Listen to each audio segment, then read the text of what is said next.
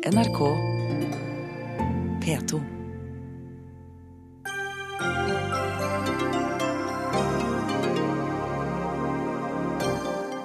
Fremskrittspartiet setter nye asylrekorder.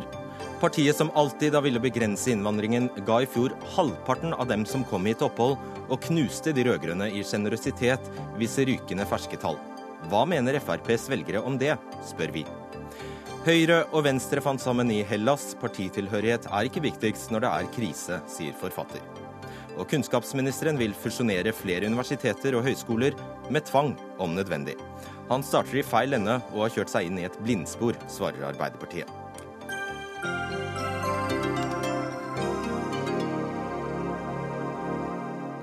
Og I denne Dagsnytt 18-sendingen skal vi også innom den dramatiske situasjonen i Ukraina og den nesten like dramatiske situasjonen i Tromsø Høyre. I studio er Fredrik Solvang. Men først i Dagsnytt 18 kan vi avsløre at Fremskrittspartiet setter nye asylrekorder. Ikke på åtte år har så mange fått opphold og asyl i Norge som i FrPs første regjeringsår. Det som skulle være innstramming i asylpolitikken, har altså ført til at halvparten av alle behandlede saker som eh, kommer fra søkere, får eh, At halvparten av alle behandlede saker blir innvilget, viser ferske tall fra UDI. Og Statssekretær i Justisdepartementet for Fremskrittspartiet, Gøran Kalmyr, 4908 personer fikk altså permanent opphold i fjor. 49% av alle som kom til landet. Og begge deler er rekord. Er du fornøyd? Altså, Det er altså slik at eh, regjeringa faktisk har et mål om at eh, man skal ha flest mulig av dem som kommer til Norge og søker asyl, skal ha en reell beskyttelsesgrunn. Og Hvis man har det som mål, så betyr det også at den andelen av dem som får innvilga asyl, eh, vil øke. Og Grunnen til at andelen av den som fikk innvilget asyl i fjor økte, det var jo fordi at veldig mange kom fra krigsherjede områder i Syria. Det er en spesiell situasjon som gjør det at flyktningstrømmen over Europa har vært særskilt stor den tida Fremskrittspartiet har sittet i regjering. Og vi har en konvensjonsplikt om å gi beskyttelse til dem fordi at de er utsatt for forferdelige overgrep i sitt eget hjemland. Så dette er akkurat sånn som det skal være? Altså Det er altså slik at eh, Vi har fått redusert andelen av asylsøkere som kommer til Norge uten å ha en grunn til å søke asyl. Det er vi godt fornøyd med. fordi at Totalantallet asylsøkere har faktisk gått ned med 4% i fjor. Og Spør du NOAS, så syns de det sikkert er veldig feil. Men vi mener at det er riktig. For vi mener det at det betyr at det kommer færre til Norge som ikke har en asylgrunn, som ikke har et beskyttelsesbehov. For vi har hele tida sagt de som trenger beskyttelse etter eh, flyktningkonvensjonen, dem skal få beskyttelse, men resten skal vi returnere så fort som mulig. Og Det, jeg, det signalet tror jeg har ført til at færre kommer hit nå som ikke trenger beskyttelse. Dere har også sagt eh, andre ting. Innstramming i asylpolitikken har vært et av FrPs adelsmerker i alle år. Og La oss minne om hva Siv Jensen sa i 2012 og i 2013, og hva innvandringspolitisk talsmann Morten Ørsal Johansen sa i 2013. Vi viker ikke i vårt syn på behovet for å stramme inn norsk innvandrings- og asylpolitikk. Asylpolitikken er ute av kontroll. Det, det går an å stramme inn på, på, praksisen. Gjøre det mindre attraktivt å komme til Norge, spesielt for lykkejegere. Det er jo innstramming dere har lovet. Ja, Hvis du hørte på Morten Ørsal Johansen, så sa han nettopp det jeg sa. Gjøre det vanskeligere, spesielt for lykkejegerne. Og det er nettopp lykkejegerne vi har gjort det vanskelig for. Og det er nettopp den som ikke nå lenger kommer til Norge i så stor grad som før. Mens den som kommer til Norge, det er også mennesker som er fordrevne fra sine hjem i Syria spesielt. Det er det som er den store økninga. Og vi har jo alle sammen sett på hvordan ISIL og andre ekstreme islamister har herja i disse områdene. Det er dem vi har gitt beskyttelse, ikke lykkejegerne fra Øst-Europa eller andre områder. Dere har også sagt andre ting. Vi ser at eh, dagens innvandringspolitikk og gårsdagens innvandringspolitikk ikke har bærekraft i seg. Vi har seks ganger antall eh, innvilga asylsøknader i Norge i snittet i EU. Eh, og da sier det seg sjøl at med det velferdssystemet og de ytelsene som Norge har, så er det ikke bærekraft i det. Det er ikke bærekraft i det, men det er det plutselig nå? Altså, Det med bærekraften i innvandringspolitikken er en stor grad til bekymring. og Derfor er det også grunnen til eh, at eh, man må hele tiden jobbe for at eh, man har best mulig forhold i nærområder fra der flyktningene kommer fra. og Derfor har også Norge bidratt med 1,4 milliarder til hjelp i nærområder. For vi mener det at det å hjelpe Libanon, Jordan og Tyrkia for å ta vare på de aller fleste flyktningene, er det som er best bærekraft. Men dere setter altså nye rekorder i antallet det... som får bli her i landet, og det er det Sandberg snakker om, bærekraften. Men da, ærlig talt, klart Da de rød-grønne holdt på, så var det altså ikke 9 millioner flyktninger i eh, Europas nærområde. Det er det nå. Eh, og det gjør det at situasjonen er noe helt annerledes. Men det aller viktigste vi gjør, er jo ikke å ta imot syrere til Norge. Det aller viktigste vi gjør, det er den humanitære bistanden vi gjør i Syrias eget nærområde. Eh, for samme prisen det koster å ta inn én til Norge, så kunne vi også hjulpet 26 i deres eget nærområde. Da mener jeg at vi har en moralsk forpliktelse til å hjelpe flest mulig mennesker, og det gjør vi best i deres eget nærområde. I fjor på denne tiden inngikk dere en eh, avtale på utlendingsfeltet med eh, KrF og Venstre. La oss høre hva statsministeren sa om den. Er det strammere eller mildere enn de rød-grønnes politikk? Den er mildere på barn, og den er strammere på resten av asylområdet. Strammere, sier Erna Solberg, men eh, når tallenes, tallene er klare nå, så viser det at det ikke har vært noen innstramming. Ja, det er helt feil. Fordi at det har vært en innstramming. Det er helt feil. Det har vært en innstramming i forhold til dem som ikke har en asylgrunn, altså ikke har en beskyttelsesgrunn etter FN-konvensjonen. Det er altså slik at De forrige regjeringene hadde jo mange flere muligheter til å kunne komme og få asyl i Norge enn bare FN-konvensjonens regler. Og Så har vi også gjort en del grep eh, som gjør det at det blir mindre attraktivt å komme til Norge. Eh, og det ser vi. Vi har fått også en nedgang på 4% i forhold til 2013, enda asylstrømmen til Europa har vært historisk høy. La oss snakke om de tiltakene dere faktisk har satt inn for å eh, stramme inn. Det er altså nå slik at du må være 24 år for å hente ektefelle. Hvilken effekt har det hatt? Ja, Det har jo hatt det at, eh, den effekten at det er mindre attraktivt å komme til Norge. fordi at I antall personer?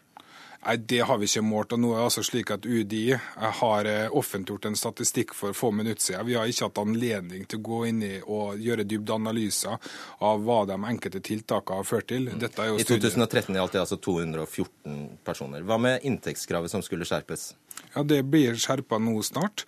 Eh, og det at man har et inntektskrav i hele tatt, er jo noe som gjør gjør at det blir mindre attraktivt å komme til Norge. Det har man jo hatt lenge. Det har man hatt lenge, men nå blir det altså enda høyere. Det blir 300 000. Og I tillegg til det så har vi også gjort det slik fra 2015 at eh, Norge som stat ikke betaler gjenforening lenger for eh, nyankomne asylsøkere. Det gjorde man før under rød-grønn regjeringa. Tidligere statssekretær eh, Pål Lønseth fra Arbeiderpartiet sa at det er ikke mulig å bli strengere enn ham. Og Da protesterte Fremskrittspartiet bl.a. Men Ann Margrethe Ausen, du er generalsekretær i Norsk organisasjon for asylsøkere, NOAS. Var det noe i det han sa? Ja, absolutt. Eh, men det Fremskrittspartiet i Justisdepartementet har fulgt opp med, er at de ikke gjør som Kalmyr sier, men de setter de som har størst behov for beskyttelse, på vent. De store gruppene, eh, som er altså ikke syrere, som har vært den største gruppen i 2014 eller 2013, det har vært eritreere. Og syrere, eritreere, sudanere og somaliere, statsløse i hovedsak palestinere, settes nå på vent, og de må vente mellom fem og ni måneder på å få sin sak behandlet. Det er det signalet Kalmyr og hans regjering sender til de som virkelig trenger beskyttelse. Så disse tallene skulle vært mye høyere.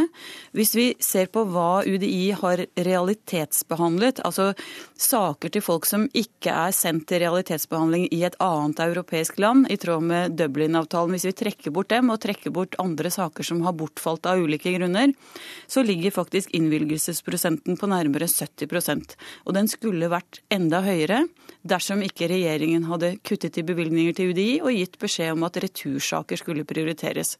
Og de gruppene som trenger det, skulle settes på vent. Ja, da kan vi svare på det.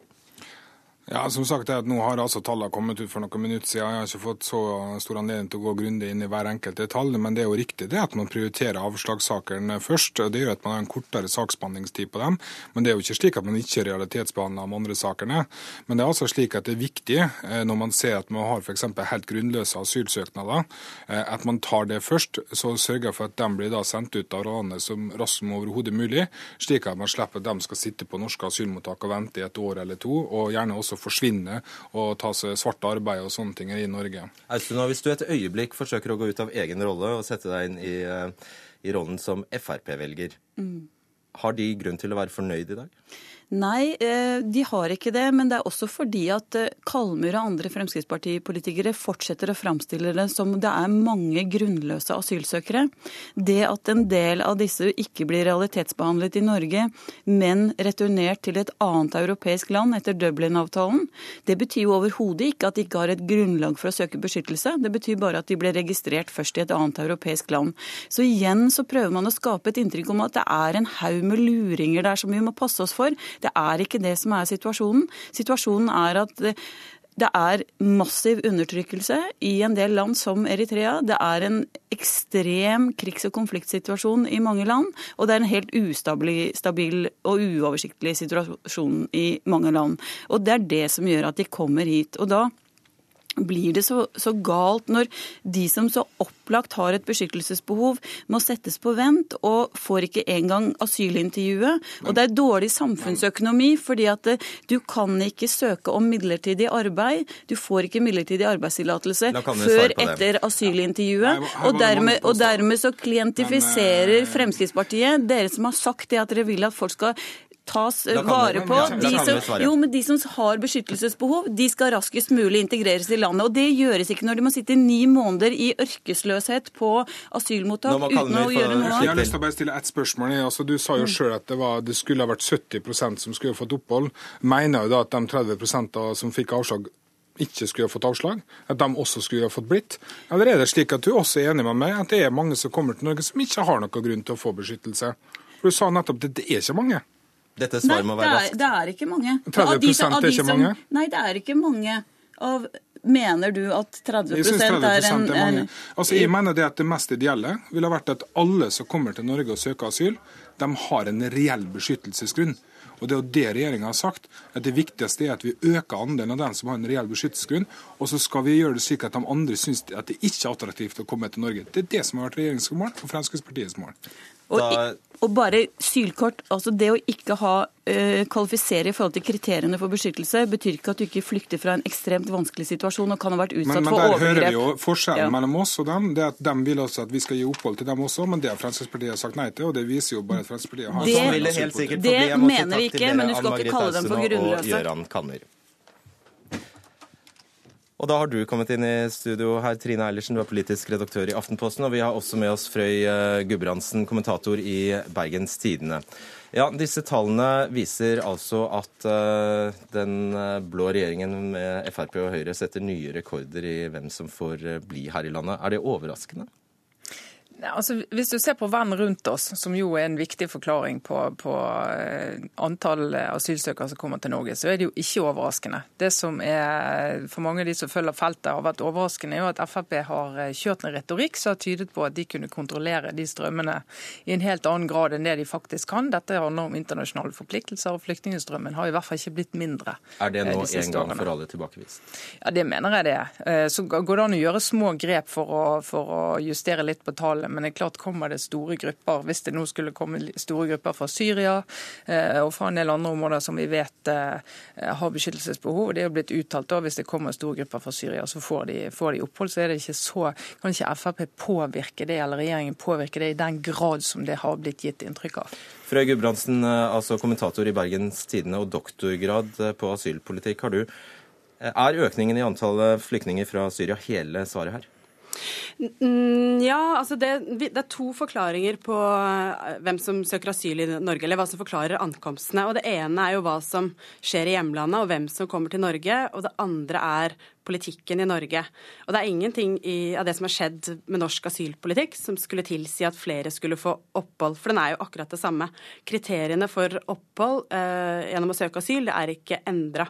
Så forklaringen på at eh, innvilgelsesprosenten har økt, at flere får asyl, det er hvem det er som kommer. Og det er bare en større andel av de som søker asyl, som Eh, som har behov for beskyttelse. Så jeg er jo helt enig med Kalmyr at dette har andre forklaring enn Fremskrittspartiet, og det er gode nyheter.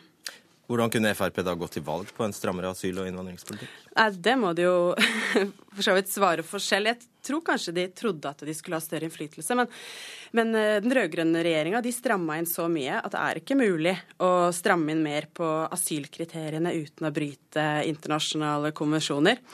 Men der de har stramma inn, det er jo på kriteriene for å få familiegjenforening. Og det vet vi jo påvirker eh, asyltilstrømmingen. Men problemet er jo at de rød-grønne hadde også stramma inn veldig mye der. Eh, de hadde satt et så høyt inntektskrav for å få familiegjenforening at denne aldersgrensen på 24 år, den har ingen betydning. For det er knapt noen under 24 år som får eh, innvilga familiegjenforening. Så Ja, bare fortsett. Nei, så Det, det var rett og slett veldig lite for Fremskrittspartiet å, å, hente. Og det sier jo litt om det som skjedde under den forrige regjeringen, egentlig. Trine Eilertsen, hvor skal alle disse velgerne som Frp har, har skaffet seg nettopp på innvandringssaken, gjøre av seg nå? Nei, altså Det som er interessant, er jo at Norge, hvis du sammenligner med Sverige, da, så er jo fremdeles tall egentlig veldig lave. Eh, men eh, Fremskrittspartiet bygger jo på en del av en innvandringspolitikk som har, som har vært i Norge i, i over ti år, eh, som er relativt stram. Og som Frøy Gudbrandsen sier, hvor det ikke er så mye mer å hente på, på innstramming. Så når de nå skal hente velgere på innvandring, så må det jo bli på, på integreringsbiten, stille krav til de som da faktisk er her. Men jo inntrykk av at du kan eh, stoppe strømmene fra en verden som vi har svært liten innflytelse over. Det, det er jo en retorikk som bør parkeres og legges i skuffen. Eh, og så kommer, kommer, vi til å få en del tiltak som, som det vi nettopp eh, fikk med oss kom i budsjettet i fjor, at du strammer inn på å betale flybilletter for familier som vil komme til Norge og bo med en asylsøker som har fått opphold og en del sånne ting. Samtidig vet vi at det finnes en indre opposisjon i Frp, men de tør f.eks. ikke å stille her i dag. Nei, det er, det er, jo mange forskjellige budskap i Fremskrittspartiet på dette området. Helt fra de som eh, fremdeles henger igjen i, i, den gamle politikken som man faktisk har gått til valg på og har eh, skaffet seg velgere på, til de som da sitter i ansvarlige posisjoner og kjenner regelverket ut og inn og vet jo, kjenner til begrensningene og ikke bruker så store ord som man brukte i valgkampen i hvert fall. Gudbrandsen, er det KrF og Venstre som her har fått gjennomslag? Uh, altså, ja, på en måte. De fikk jo gjennomslag for dette. Altså, Det er ikke KrF og Venstre sin fortjeneste at eh, flere nå får innvilga asyl. Det er de forrige reglene. Det er eh, asylinstituttet som har vært som det er nå i lang tid. Men det som jeg er litt spent på, det er effekten av de nye reglene for asylbarn. Fordi Uh, asylbarn og deres familier, det er jo nettopp eh, personer som har fått avslag på asylsøknadene. Og det Frp har vært med på nå i regjering, det er jo det lettere for folk som ikke har behov for beskyttelse, å få opphold. Og, um, og det kan godt tenkes at det rett og slett har blitt ganske mye lettere for denne gruppen å få opphold nå, for familier. Og vi vet jo at uh, den type liberaliseringer, det kan påvirke tilstrømmingene. Så det, vi, det blir ganske spennende å se framover nå om vi får en økt tilstrømming av barnefamilier. Um, og, og da vil Fremskrittspartiet bejuble det òg? Ja, det er i hvert fall interessant å, å følge med på, da. Eilertsen, asylpolitikken har jo vært en fanesak for Frp i alle år. Og nå kommer jo dette mer eller mindre tilfeldigvis oppå Krekar-saken. Betyr dette en varig svekkelse for partiet?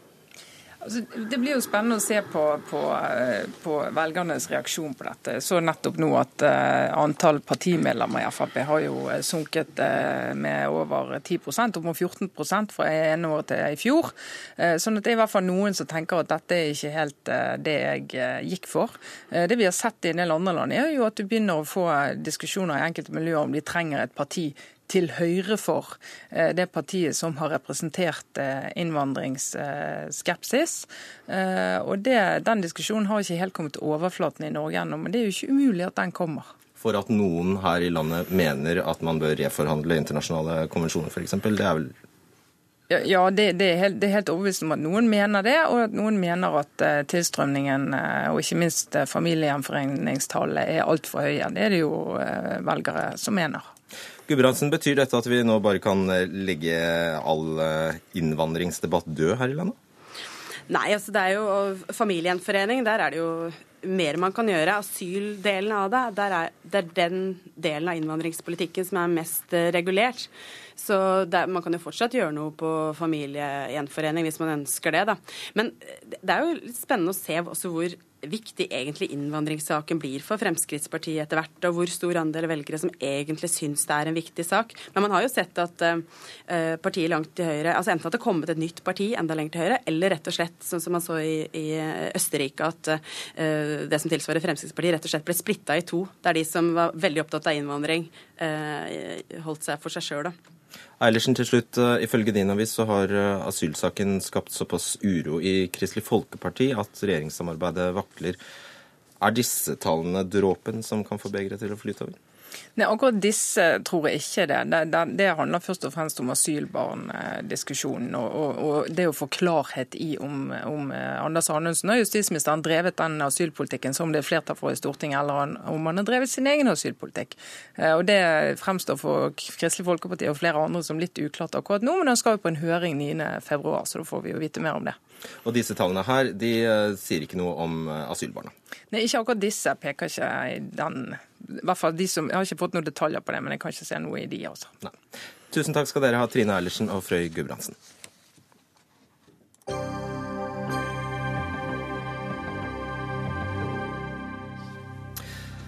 Og nå til den dramatiske situasjonen i Ukraina, der eh, kamphandlingene er trappet kraftig opp. De russiskstøttede separatistene øst i landet trakk seg forrige uke fra fredssamtalene med myndighetene i Kiev, og varslet i stedet en opptrapping. Og Lørdag ble 30 mennesker drept og nesten 100 såret i et rakettangrep i havnebyen Mariupol.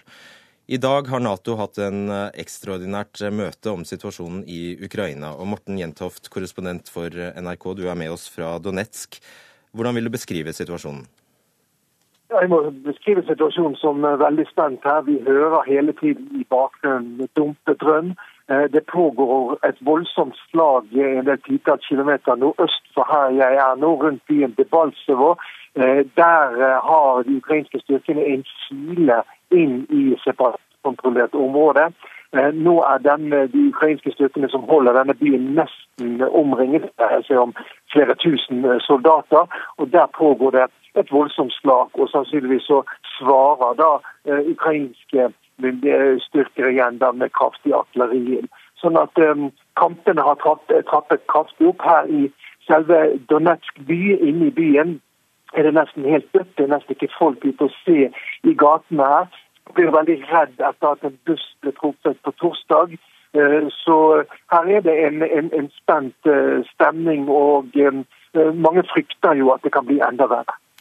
Vet vi nå om hvor store områder de kontrollerer opprørerne? Ja, Det vet vi jo. Det er jo ganske klare frontlinjer her nå. da. Men opprørerne er nå på offensiven. Eh, fra ukrainsk regjeringshold så hevdes det at de har fått tilførsel i alle fall av eh, nye våpen fra eh, russisk side. Jeg har også selv snakket med opprørssoldater i dag. De virker veldig selvsikre. De har vært et veldig godt organisert. De mener de forsvarer sitt hjemland, sånn at moralen hos dem er også høy. Og det er ikke tvil om at mange her er veldig bitre på at eh, den ukrainske regjeringen har brukt tunge våpen i sin kamp mot separatisme, noe som også har gått utover sivilbefolkningen. Jeg kjørte gjennom byen Ilovaisk eh, tidligere i dag, og der var det jo massevis av ødelagte hus, ødelagte skoler, ødelagte fabrikker. Vet vi nå med sikkerhet hvem som sto bak eh, det som skjedde i Mariupol på lørdag? Vi vet jo ikke helt sikkert, men mye tyder på at det var et hevnangrep fra eh, de prorussiske separatistene sin side etter angrepet på denne bussen her i Danesk på, på torsdag. Eh, lederen for separatistene her i, i, i Danesk, Aleksandr Sakachenko, han sa jo også først på lørdag at man nå hadde satt i gang et angrep mot mot eh, Mariupol. Eh, senere så trakk han disse uttalelsene noe tilbake når han kanskje så hvilke sterke reaksjoner som kom på at nesten eller 30 mennesker ble drept i dette, dette angrepet her. Men eh, også Organisasjonen for sikkerhet og samarbeid i Europa sier at eh, de rakettene som ble skutt mot Mariupol, de kom fra separatistkontrollerte område. Det er jo lett for oss uh, å sitte her og kanskje tro at uh, det er uh, mer eller mindre rolig i Ukraina når vi ikke hører om kamphandlinger. Men er det noen direkte foranledning for, for at kamphandlingene akkurat nå har blusset opp? Den direkte foranledningen er nok kanskje sammenbruddet på den diplomatiske fronten som vi så i forrige uke. Vi må jo kunne kalle det et sammenbrudd når utenriksministrene for Ukraina, Russland, Tyskland og Frankrike i Berlin ikke kom fram til en enighet. Etter det så har eh, våpenet overtatt for eh, diplomatiet. Og det ser ut som det er en slik fase som vi er inne i akkurat nå. Og vi skal huske på at altså, De siste dagene så har det jo vært mange titalls drepte hver eneste dag her i Ukraina. altså Like mange drepte som under terroren i Paris hver eneste dag i Ukraina. Og Det ser jo ikke ut som verdenssamfunnet er i stand til å gjøre noe som helst. Folk her som jeg snakker med på gaten i Donetsk, er jo fortvilet og redde. og kan bare, man kan jo bare forestille seg hvordan de lever her i denne byen og høre dette braket, eh, drønnet fra disse kanonene som man hører både dag og natt. Og til slutt, Hvem er det de ønsker skal gripe inn? Altså alle, De ønsker bare fred, de som jeg snakket med. De ønsker fred. Man må nok få stoppet kampene. Men det er klart at mange her i, i, i byen eh, Meningsmålinger tidligere har jo vist at et flertall av innbyggerne her fortsatt ønsker å være en del av Ukraina. Men den konflikten som nå har pågått og som er blitt såpass stor, den har jo skapt veldig mye hat og bitterhet. At det er mange som ikke kan se for seg at de skal igjen da leve i en felles statsdannelse med, med, med, med Kiev. Selv om man også fra russisk side har sagt det at uh, Donbass, Donetsk og Luhansk fylker skal i framtiden være en del av Ukraina, men med innenfor en slags føderal statsdannelse. Takk skal du ha, Morten Jentoft, korrespondent eh, for NRK i Donetsk. Med oss har vi Tor Bukkvold, du er seniorforsker ved Forsvarets forskningsinstitutt. Hvordan forklarer du denne opptrappingen? Jeg tror det, det, viktigste grunnen til at det har skjedd, det det som har skjedd egentlig helt siden våpenhvileavtalen ble underskrevet i 5.9. i fjor. Og det er at Russland har forsynt disse områdene med mer og mer våpen, mer og mer eh, rekruttert ja, frivillige, og, men også sendt inn i egne militære avdelinger. Sånn at opprørerne har blitt militært sterkere og sterkere sterkere over lang tid. Og når det da ikke gikk med denne diplomativeien, så, så altså fristelsen til å til å bruke våpen er jo større dess mer våpen du har. Så jeg tror det er det som ligger bak at vi, at vi har fått en sånn voldsutvikling nå. Og da vinner Russland? Nei, det, det, gjør de nok ikke. Det tror jeg ikke. Det spørs hva man mener med å vinne, da. Det jeg tror Putin og Russland ønsker, er for så vidt at disse områdene her skal bli en del av Ukraina. Eh, Bl.a. for at Russland ikke har råd til å betale for de områdene, for det er områder som trenger tilførsel til penger. Men at samtidig områdene får så stor grad av selvstendighet at de som nå opprørere eh, får lov til å styre de områdene.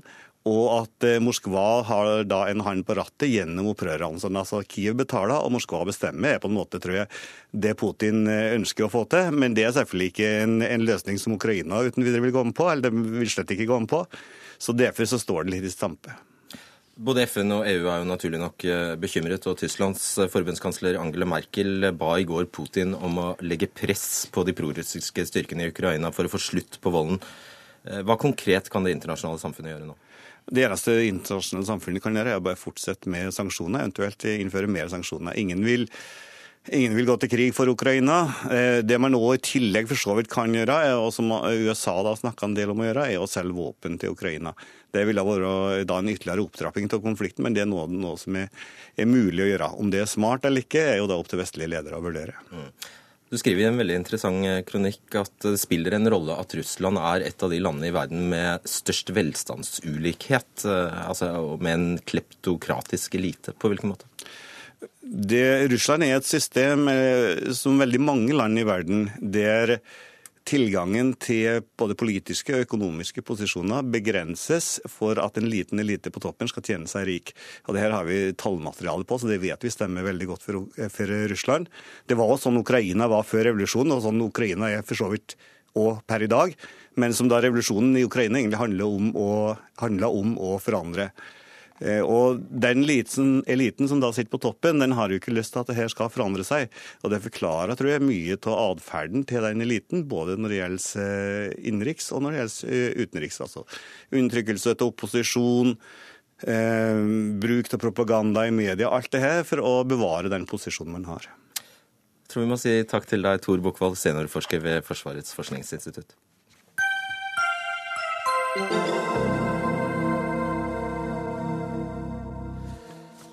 Ja, I går vant venstrekoalisjonen Syriza valget i Hellas. Og vi hører her gårsdagens vinner, Alexis Tsipras.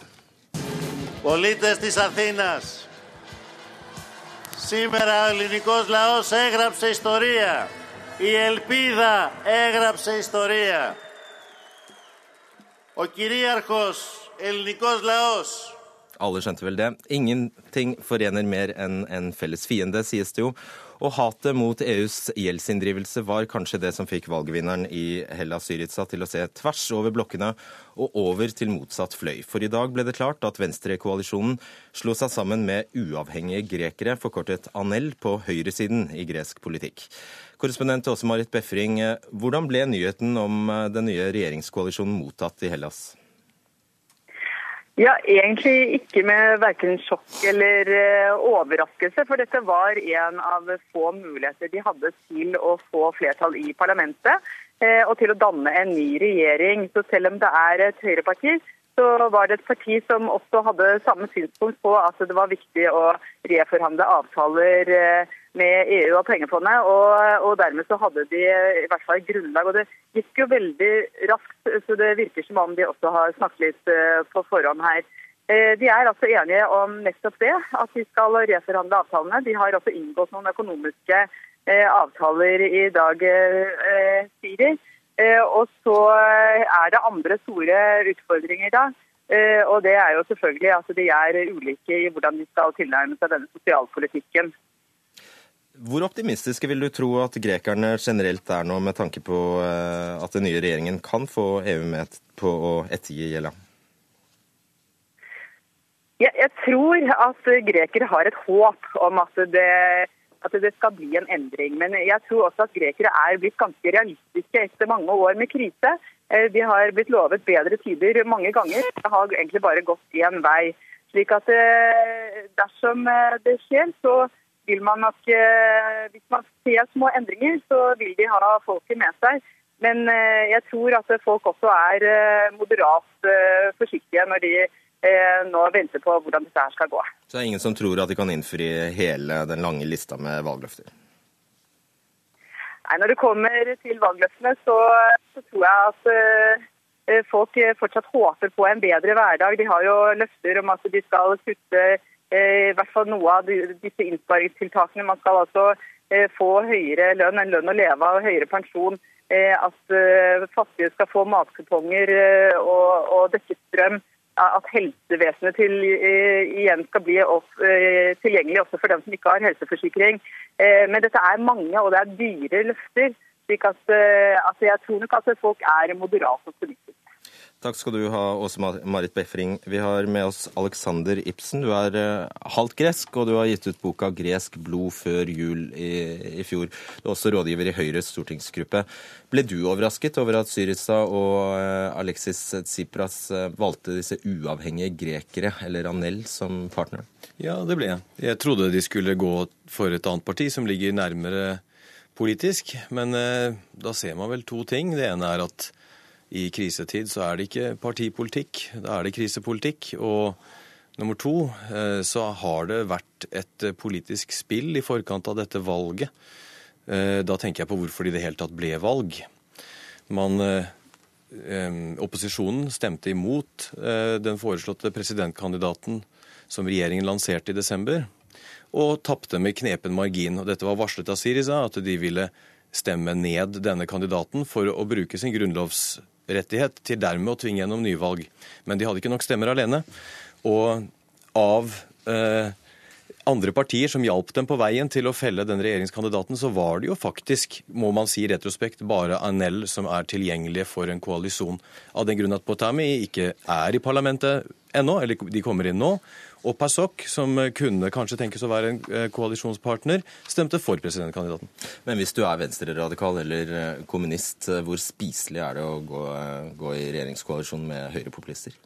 Nei, men det er vel ikke spesielt spiselig. Du ser, og det tror jeg kan bli et problem hvis denne regjeringen blir sittende veldig lenge. Som jeg legger til at jeg i utgangspunktet håper, fordi at Hellas trenger stabilitet. Men disse forskjellene vil jo begynne å gnage på lang sikt, det er klart det. Men man ser at viktigst av alt har vært en aggressiv eh, holdning vis-à-vis -vis EU eh, denne gang. Magnus Marshall, du er altså utreder i Manifest Analyse. Én ting er jo at de nå skal forene høyre og venstre her, men vi vet også at det er store, store forskjeller internt i denne koalisjonen, som altså består av en rekke forskjellige grupperinger. Ja, Syriza drøyt ti år gammelt. Er jo satt sammen av mange venstregrupper som har brukt mye tid før på å bekjempe hverandre, og nå kasta han i en helt annerledes situasjon. Og der statsministeren vil få det vanskelig, ikke bare med egne si, partifraksjoner og den betydelige radikale uh, fløya som også finnes i Syriza, som står godt til venstre for, uh, for han, men, men, også med egen befolkning. For det her er jo ikke en partipolitisk kjekling, som også nevnes fra Ibsen. Det her er en krisetid der det er en hel befolkning nesten som står opp imot interessene til noen andre. Og de andre er jo eh, strengt tatt et fåtall mektige bankeiere i andre land, som har sterke institusjoner som jobber for å drive inn sine penger, men det har også begynt å gå på bekostning av grunnleggende menneskerettigheter som medisin, som at fattige familier helt tatt har strøm i huset, noe som er nyttig når du har små barn, eller for voksne til og med. Eh, grunnleggende faglige rettigheter, inntekt, alle sånne ting. Og jeg syns det er litt bekymringsverdig å høre kommentarene i, i Norge og Vest-Europa i dag, der de fleste journalister og også politikere er bekymra for den nye regjeringas ansvar overfor noen utenlandske banker. Men nesten ingen er bekymra for får de tilbake strømmen, får de tilgang til grunnleggende medisin, og så er det mulig å imøtekomme den humanitære krisa som er der. Eh, det folk er opptatt av, er om bankene får sitt, og det er ikke noe vakkert ettermæle for, for vår tid. At det, liksom, det, det, er det som er engasjementet i Vest-Europa i dag. Ingvild Stubb, du er statssekretær for EØS-saker eh, e og forholdet til EU for eh, Høyre i, i vår egen regjering. Er det du som skal målbære disse bekymringsfulle tankene? Nei, altså nå, I dag så tror jeg først at vi skal gratulere det greske folket med et uh, vellykket parlamentsvalg uh, i går. Og så er det helt tydelig, som både Alexander og Magnus har sagt, at grekerne har sagt klart ifra. De vil ha uh, nye politikere, og de vil ha ny politikk. og Syriza fikk jo veldig stor oppslutning, spesielt blant unge velgere. Det er ikke noe rart. Fordi Hellas har altså en ungdomsledighet på godt over 50% Og selv om landet nå ser begynnelsen på en forsiktig vekst, så er det veldig mye å hente igjen fra kriseårene. Og det er fortsatt altfor lite nye jobber som skapes, og for lite nye sjanser for ungdommen. Så det er ikke noe rart at man får denne reaksjonen nå. Det er vi nødt til å forstå. Er det etter din mening beklagelig? Nei, altså, det, kan, det, er greske velgere som bestemmer hvem som skal, det er greske velgere som bestemmer hvem som skal styre i Hellas. og må, Nå må de lage sine krav og sine politiske løsninger, og så må de diskutere det med sine europeiske partnere. Og Det sier jo EU at de vil. Og eh, greske myndigheter, den nye greske regjeringen, sier jo at de ønsker å forbli i euroen. De ønsker å forbli i EU, og de vil samarbeide med EU. og Da mener jeg man har et godt utgangspunkt for å komme fram til en enighet. Ibsen, er det gitt at man nå forblir f.eks. For i, i eurosamarbeidet? Jeg tror at eh, greske velgere, så, eller en stor gruppe av dem, har sett ganske trygge ut på det, eh, ut fra hvordan de har stemt. Grunnen til at jeg sier det, er fordi at Eh, den sittende regjeringen var jo, var jo, åpenbart på en linje som skulle berge euroen. Det var jo det den har holdt på med i to og et halvt år. Eh, samtidig så vil en overveldende majoritet av grekerne beholde euroen. Eh, så stemmer man på en opposisjonsparti. Jeg håper jeg tar feil, men jeg er bekymret av den enkle grunn at i 2012 så vet vi i ettertid hvor nærme det var at Hellas måtte tilbake til drakmen. Og jeg tror ikke de planene er skrinlagt. Og det håper jeg tar feil på, men jeg, jeg tror at de planene kan iverksettes igjen, og det bekymrer meg. Hva tror du, Marshall? Det foregår et dobbeltspill i den greske debatten i noen grad, der man uh, slutter opp om euromedlemskapet alle sammen, men samtidig har en svær fight om man skal stille opp og betale den gjelda med de ekstreme rentene som har vært. Uh, og det foregår en maktkamp i Europa om akkurat den gjelda, og dermed også euromedlemskapet. Fordi når Syrissa sier vi vil gjerne være med i euroen, men vi har ikke tenkt å betale, da sier jo Tyskland ja, men da må dere ut. Så her er det på en måte et uh, game of chicken, som amerikanerne kaller det. sant? Og det er langt fra sikkert at uh, Hellas uh, og for så vidt Sør-Europa blir værende i euroen. Nå har jo flere påpekt siden euroen ble lansert at det er en kjempedårlig idé med så ulike økonomier i samme valuta. Og det er det egentlig bare det industrielle lokomotivet Tyskland og Nord-Europa som har tjent mye på. Sør-Europa har i noen grad blitt redusert til Tysklands Latin-Amerika. Det kan bli nødt til at det skjer noe med den euroen nå. Men da har jo Josef Stiglitz og andre økonomer påpekte at det beste hadde vært hvis Tyskland gikk ut av euroen. Da hadde det jo blitt en mer samlende valuta for Europa, og Tyskland har jo vært problemet for mange andre land. Så der er jo en, en ting som som nye statsministeren i Hellas kan ta opp i forhandlingene. Så her tviler til og med du? Om hva som er løsningen? Nei, så Løsninga først og fremst er at Hellas må slutte å betale gjeld i kanskje fem år. Og Så må de få en, en plan for det, som sier når dere har vekst på 3% i året, har fått tilbake i hvert fall 50% av det BNP som er tapt under kriseårene og med EUs mislykka politikk, så skal vi begynne å få igjen penger. Og Det var den typen avtale United Kingdom fikk under uh, Keynes sin veiledning med forhandlingene med amerikanerne etter annen verdenskrig. En type gjeldslette har jo også Tyskland fått, av blant andre Hellas. Uh, det springer ut av den erfaringa at man ødelegger ikke et land med gjeld som brekkstang. Og Den erfaringa har Europa gjort seg før, og nå må man også begynne å gjelde for det greske folk. Har du sansen for det argumentet, Stubb? Ja, altså nå har jo Lederen for eh, Euroministerrådet sagt i ettermiddag at de eh, åpner bl.a. for å se på Hellas nedbetalingstid. Jeg tror et annet tema som kan komme opp ganske fort, det er disse kravene som har vært stilt til eh, stramheten i de greske statsbudsjettene før eh, renter og avdrag. Så Eh, her er det åpenbart at det vil bli en diskusjon. Hva som blir utfallet av den, det er det litt for tidlig å si noe om. Men at det er behov for å ivareta den greske befolkningen, og særlig den yngre generasjonen i Hellas, det er det ikke noen særlig tvil om.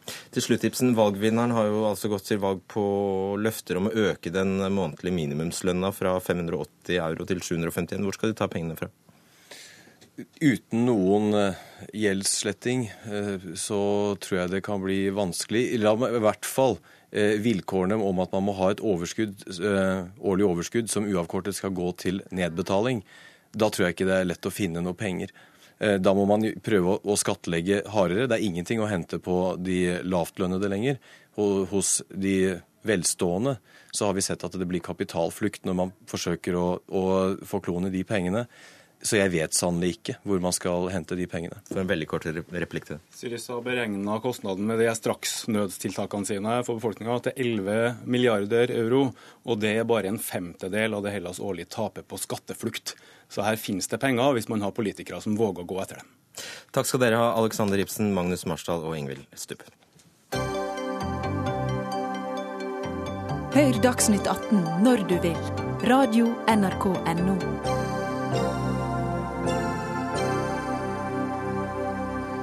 Og nå til helgens høyresjokk i Tromsø. På lørdagens nominasjonsmøte forsøkte ordfører Jens Johan Hjort seg på et kupp mot byrådslederen fra eget parti. Og det er jo ikke akkurat hverdagskost. Hjort ville ha en ny byrådslederkandidat, men tapte med to stemmer. Og det endte med at han trakk seg som ordførerkandidat. Remi Iversen, du er leder i Tromsø Høyre, og du ble altså valgt til leder bare timer før dette skjedde. Du fikk litt av en start? Ja, det ble, eh, det ble ikke snakk om å lure seg pent og pyntelig inn i et nytt verv. Kom dette overraskende på deg også? Det kom overraskende på meg, det gjorde det. Kan du forklare hva som faktisk skjedde her? Nei, det var eh, ordinært nominasjonsmøte i Tromsø Høyre. Og så eh, kommer det da et eh, forslag eh, til, eh, på nominasjonsmøtet. Nominasjonsmøtet stemmer over forslaget på vanlig måte, og vi står da med den situasjonen at utfallet førte til at Jens Johan Hjort trekte seg fra lista for Tromsø Høyre. Visste salen at Hjort ville trekke seg om han ikke fikk støtte? Han gjorde det klart i forkant eh, av avstemminga eh, når han presenterte forslaget, at det ville, ville han gjøre. Skal høre litt på Hjort, vi. Det jeg prøvde på, var rett og slett å, eh, å stille opp eh, det beste laget til eh, en utfordrende valgkamp, og et lag som da ville kunne gå inn i en ny fireårsperiode og styre en, en, den viktige byen i Norge, som Tromsø er. Kan du avsløre hvem du støttet, Iversen? Det er hemmelig valg, så det vil jeg ikke si nei. Men du kan si hva du syns om det han gjorde? Jeg eh, syns ikke så fryktelig mye om eh, noe som helst. Jeg er leder av Tromsø Høyre, og jeg forholdte meg til det som eh, ble gjort i, i møtet. Så dette er gunstig for partiet? Jeg vil ikke spekulere i det. Jeg forholder meg til at det ble fremmet forslag. Jeg, det ble stemt over forslaget. og noe mer enn okay, det. Men Kan du si om det er dårlig personkjemi, eller om det er strid om politiske veivalg som ligger bak? Jeg er ikke kjent med noe, noe som er grunnlag for det her, eh, hvorfor det, det her forslaget kom opp, så det kan jeg ikke si noe om. Og så sier valgforsker i Tromsø at kommunevalget for Tromsø Høyre nå har fått den verst tenkelige starten. Det er du vel enig i? Det var jo ikke akkurat den drømmestarten vi hadde håpa på, men eh, det er ikke sånn at vi, eh, vi er ute av spill her. Vi har et veldig godt eh, årsmøte hvor vi vedtok mye god politikk.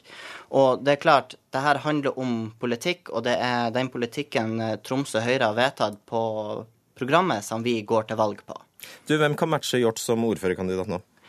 Nå skal vi sette ned en nominasjonskomité, og de skal da komme fram med et forslag til, til nominasjonsmøtet i midten av mars, og da vil vi få et godt team som blir komplett. Jeg ønsker deg lykke til, Remi Iversen, leder i Tromsø Høyre. Vi har med, Terje, har med, oss Terje Svabe. Du er nå frilansjournalist. Yeah. og Du har også en bakgrunn fra Høyre, og du har til og med vært formann i Tromsø Unge Høyre i sin tid. Ja, nå har du gravd langt tilbake. Det er bra jobba i NRKs arkiv. Jo, det stemmer det. Ja. Du, hvordan vil du beskrive det som skjer i Tromsø? Det er helt absurd. Og det er å servere valgseieren til Arbeiderpartiet på sølvfat. Det er politisk amatørskap. Og det er fullstendig uakseptabelt i enhver partiorganisasjon at byrådslederen fem, nei, ordføreren fem minutter før nominasjonsmøtet varsler byrådslederen om at han har lyst til å kaste han. Men det kunne jo gått bra? Det kunne ha gått bra. Og det gjorde det ikke, og det kommer til å ramme Høyre i Tromsø kolossalt, vil jeg mene, fordi at Hjort var en, eller er fortsatt en særdeles populær ordfører. Han kan nesten, med strek under nesten, måle seg med den populariteten Erlend Rian hadde i, i Høyres glansdager i, i Tromsø. Nå mister de det kortet. Og i tillegg så mister de også, har mistet allerede, en meget dyktig finansbyråd, som Hjort ville ha da som ny byrådsleder. Anne-Berit Figenschou, som var riktig, veldig populær. Helt riktig, hun trakk seg jo på dagen. Så det er åpenbart at uh, Høyre går meget skadeskutt uh, inn i valgkampen. Og ikke minst er det jo en håpløs situasjon for byrådslederen, som så vidt uh, berga plassen sin. Hva er det Hjort har gjort? da? Har han feilberegnet både egen og Hilmarsens popularitet her? Altså, altså, Hjort, Det er jo veldig flott at folk kommer utenfra inn i politikken. Det er det altfor lite av. Så all, all ære være gjort for at han tok på seg dette vervet. Og han har jo vært en kjempefigur for, uh, for Høyre, men her har han til de grader feilberegna sitt uh, publikum. For det er ikke slik man opptrer i, i et parti, og det var vel derfor også at han ikke fikk flertall. Fordi at jeg vil tro at de aller fleste på, på nominasjonsmøtet i Tromsø Høyre hadde lyst til å beholde en så populær mann som Hjort. Men hvis det var slik at salen ikke visste at han hadde ja. tenkt å trekke seg, da, så ja, da, da, kunne det selvfølgelig ha gått annerledes. Men etter jeg forstår, så stilte han jo et uh, ultimatum. Og det var altså da, for å si det rett ut, et, et særdeles mislykket kuppforsøk. Tror du Erna sier? Ja, det tror jeg vi bare kan tenke oss. Jeg, jeg skrev i bloggen min at uh, Hjort klarte i alle fall å ødelegge søndagen for henne. og Så får vi se. Hun kommer seg nok, hun er jo tøff dame. Eh, Tromsø har jo vært rødt i mange år. Ja, ja. Rødt, ja, ja, du hadde Røde-Herman som ordfører, men du hadde jo også 16 år med Erlend Rian. Eh, mannen som kom fra Oppland og ble, ble konge av Tromsø. Så det er jo én av flere byer som det nå knytter seg utrolig stor spenning til foran valget 14.9. Og det er vel all grunn til å tro at denne valgkampen i stor grad kommer til å dreie seg om hvem skal vinne byene, blått eller rødt. I Tromsø vi får snakkes etter 14.9, så tror jeg saken er avgjort. Og de har jo innført parlamentarisme. Ja. Betyr der ordførervervet mer? Da, ja, men det, altså, se, se, her i, i, Tromsø også, hvor, nei, her i Oslo for all del, her i Oslo hvor vi har Fabian Stang, som jo er et kjempekort for Høyre. Akkurat som uh, gjort uh, var det i Tromsø. Så selv om du på mange måter sier at ordføreren er en gallionsfigur, så er det åpenbart at en person i ordførervervet kan ha stor politisk betydning, noe vi ser i Oslo, og noe vi har sett i Tromsø. Ser du noen åpenbare kandidater som kan ta over? Nei, det, det, til det kan jeg politikken i Tromsø for, for, dårlig. Det eneste navnet jeg har hørt, er Svein Ludvigsen, tidligere fiskeriminister og tidligere fylkesmann. Men ja, ja. Jeg tror kanskje Svein Ludvigsen har tenkt seg noe annet i pensjonisttilværelsen enn å gå løs på en valgkamp. Til slutt, selv politiske motstandere har jo innrømmet at Hjort var en slags X-faktor ja. ja, ja, med et uh, usedvanlig velger- og, og medietekke. Ja, det visste jo meningsmålingene òg. Ikke sant? Men tror du Høyre kan ha hatt andre planer for han, som nå uh, må skrinlegges? Jeg tror at uh, Høyre opp gjennom historien har sett flere eksempler på veldig dyktige uh, lokalpolitikere som ikke har blitt en kjempesuksess på rikspolitikken, men at Erna har uh, titta nordover, det skal du ikke utelukke. Tusen takk skal du ha, Terje Svabe.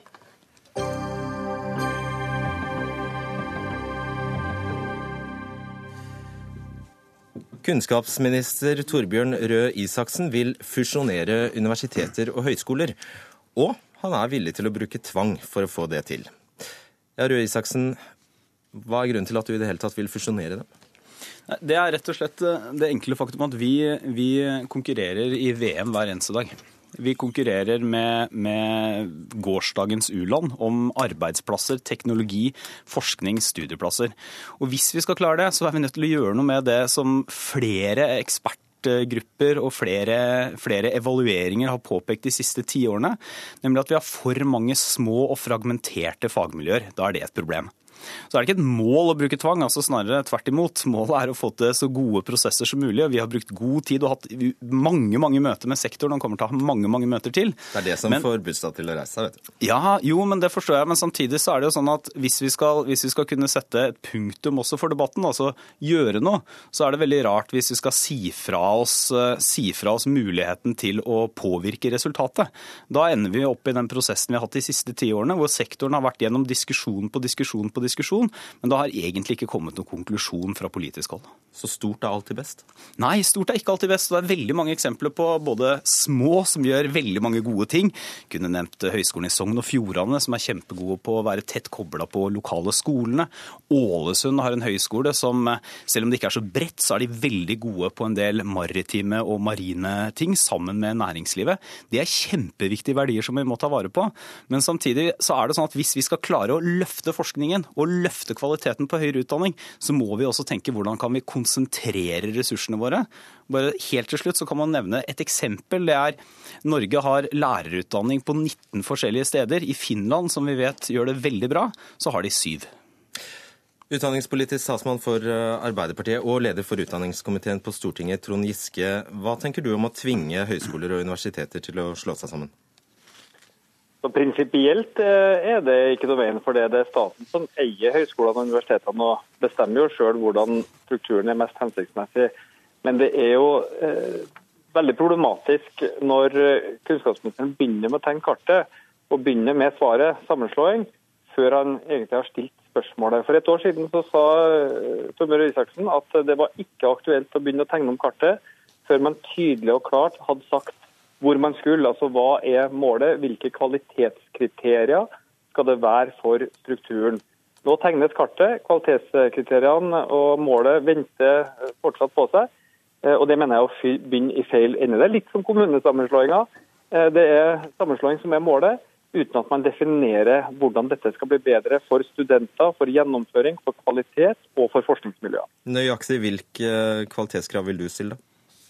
Jeg ville f.eks. stilt eh, kravet om at vi eh, spisser forskningsmidlene bedre. At eh, man får en annen type finansiering innad i institusjonene som gjør at de gode forskningsmiljøene får mer penger, de dårlige får mindre. Jeg ville ha stilt tydeligere krav til intern ledelse. Jeg foreslo jo i min tid som kunnskapsminister at instituttstyrere og avdelingsledere ved alle institusjoner skulle være tilsatt, ikke valgt av sine kolleger. Det stemte høyere ned og Clemet stoppa. Det mener jeg var veldig feil for sektoren. Det trengs tydelig styring nedover i organisasjonen. Jeg ville ha stilt klare krav til gjennomstrømming, studiekvalitet, oppfølging av studentene. Det koster både for studentene og samfunnet veldig mye at 230 000 mennesker er utenfor arbeidslivet og får anledning til å studere på heltid. Da må vi hjelpe dem til å komme gjennom raskest mulig. Eh, og jeg ville ha definert hvordan vi skal få verdensledende forskningsmiljøer. Eh, og stilt disse spørsmålene først. Og så spurt er det da hensiktsmessig at ja, Høgskolen på Stord Haugesund og Universitetet i Stavanger står seg sammen, eller er det ikke hensiktsmessig for å nå disse målene? Isteden så gjør Torbjørn Røe det som er lettest, nemlig å slå sammen institusjoner, og ikke det som er vanskelig og krevende, men mest nødvendig, øke kvaliteten, gjennomstrømming og forskningsinnsats. Isaksen, dette høres jo fornuftig ut. Du kunne bare tatt en telefon til du Giske. det høres, det høres kjempefornuftig ut. Jeg må si jeg er enig, Bortsett fra kritikken mot, mot det regjeringa har gjort, så er jeg enig i alt eh, Trond Giske sier. Og jeg tror det er et veldig godt utgangspunkt også for å diskutere dette med Arbeiderpartiet. Men bare la meg, la meg ta to ting. Altså For det første så er det, det er ikke sånn nå at vi har sagt at vi skal tvinge institusjoner sammen. Men det jeg sier, det er at det er rart hvis jeg som statsråd skal si at det er uaktuelt, utelukket, det kommer ikke på tale. Det kommer jeg ikke til å gjøre. Og det hører Svarte jeg du jo... bare på et spørsmål? da, Ja, nei, men det hører jeg altså. Jeg svarte på et spørsmål, ja. Det stemmer det. Det, det hører jeg altså Trond Giske sier. Og, så Den andre tingen det er at dette er jo ingen ny prosess. Eh, I 2008 så kom det et svært offentlig utvalgsarbeid, Stjerneutvalget, som konkluderte med at det var for mange for små fragmenterte fagmiljøer. At det var en utfordring for kvaliteten rett og slett på studiene våre. De foreslo en løsning hvor de tegnet opp et kart. Åtte til ti institusjoner. Det sa vi eksplisitt nei til da vi kom inn i regjering og fikk fortgang på den prosessen her. For det vi har gjort isteden, er å spørre institusjonene direkte. Hvis gitt at det blir et landskap med færre institusjoner enn i dag, hvor er det dere ser for dere interessante, gode, faglig begrunnede samarbeid? Og det institusjonene har gjort, er å svare på det. Og det er der vi er i prosessen nå.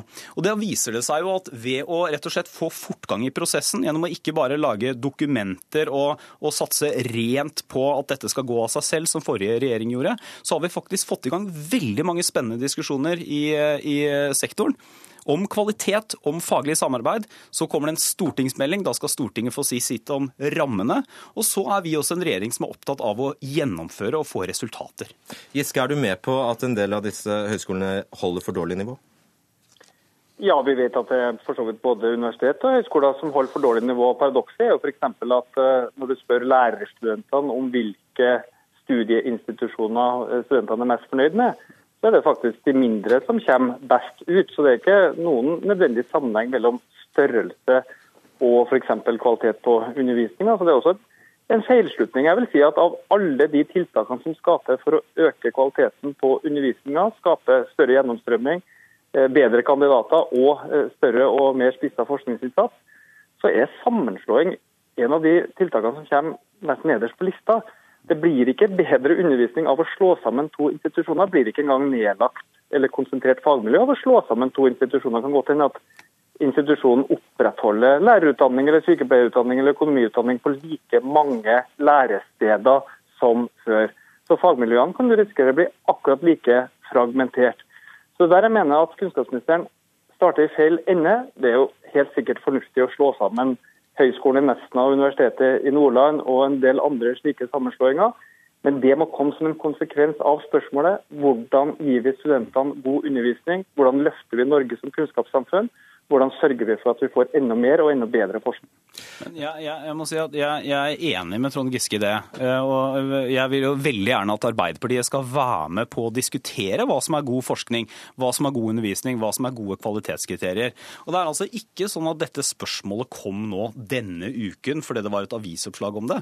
Dette spørsmålet ble stilt i 2008, hadde blitt stilt før det. Vi stilte spørsmålet, akkurat de spørsmålene Giske nå stiller, stilte vi for halvannet år siden. Eh, Fram til nå så har det vært litt vanskelig å få Arbeiderpartiet i tale om dette. Det har vært umulig å få vite hva Norges største parti mener om nettopp struktur, kvalitet, hvordan det henger Da lar vi Giske svare på det i et halvt minutt. Ja, Vi har jo nå til behandling i Stortinget en langtidsplan for høyere utdanning og forskning som eh, kunnskapsministeren har lagt fram. Den er så tynn på høyere utdanning at eh, Norsk studentorganisasjon foreslo at den bare burde hete langtidsplan for forskning. Det står tror jeg, en halvside om eh, undervisning. Står ingenting om bygg, infrastruktur, investeringer, og langtidsplan for. Det står knapt noe om hvordan vi skal få opp den private forskninga. Det hadde vært en kjempeanledning til å diskutere disse kvalitetskriteriene. Men her har altså regjeringa valgt å vise nesten ingen gjennomføringskraft og nesten ingen konkrete tiltak. Det er synd, for Norge trenger et kunnskapsløft. Ja, kort svar på det. Ja, nå I løpet av syv minutter eller noe sånt, så har Giske gått fra å mene at jeg viser for mye gjennomføringskraft til altfor lite gjennomføringskraft. Jeg tror at Arbeiderpartiet også vil finne veldig mye interessant i denne debatten. Jeg er glad at de nå melder seg på. Jeg er enig med Giske i at vi trenger f.eks. spissere forskningsmiljøer, prioritere de som er best, enda bedre, for å få opp kvaliteten. Så kommer det en stortingsmelding, og da regner jeg med at Arbeiderpartiet også vil følge opp noe av det de skrev i regjering gjennom åtte år, men som det skjedde svært lite med. Da skal jeg vise litt gjennomføringskraft og si at ansvarlig for sendingen var Hege Holm. Teknisk ansvarlig var Marianne Myrhol, og jeg heter Fredrik Solvang.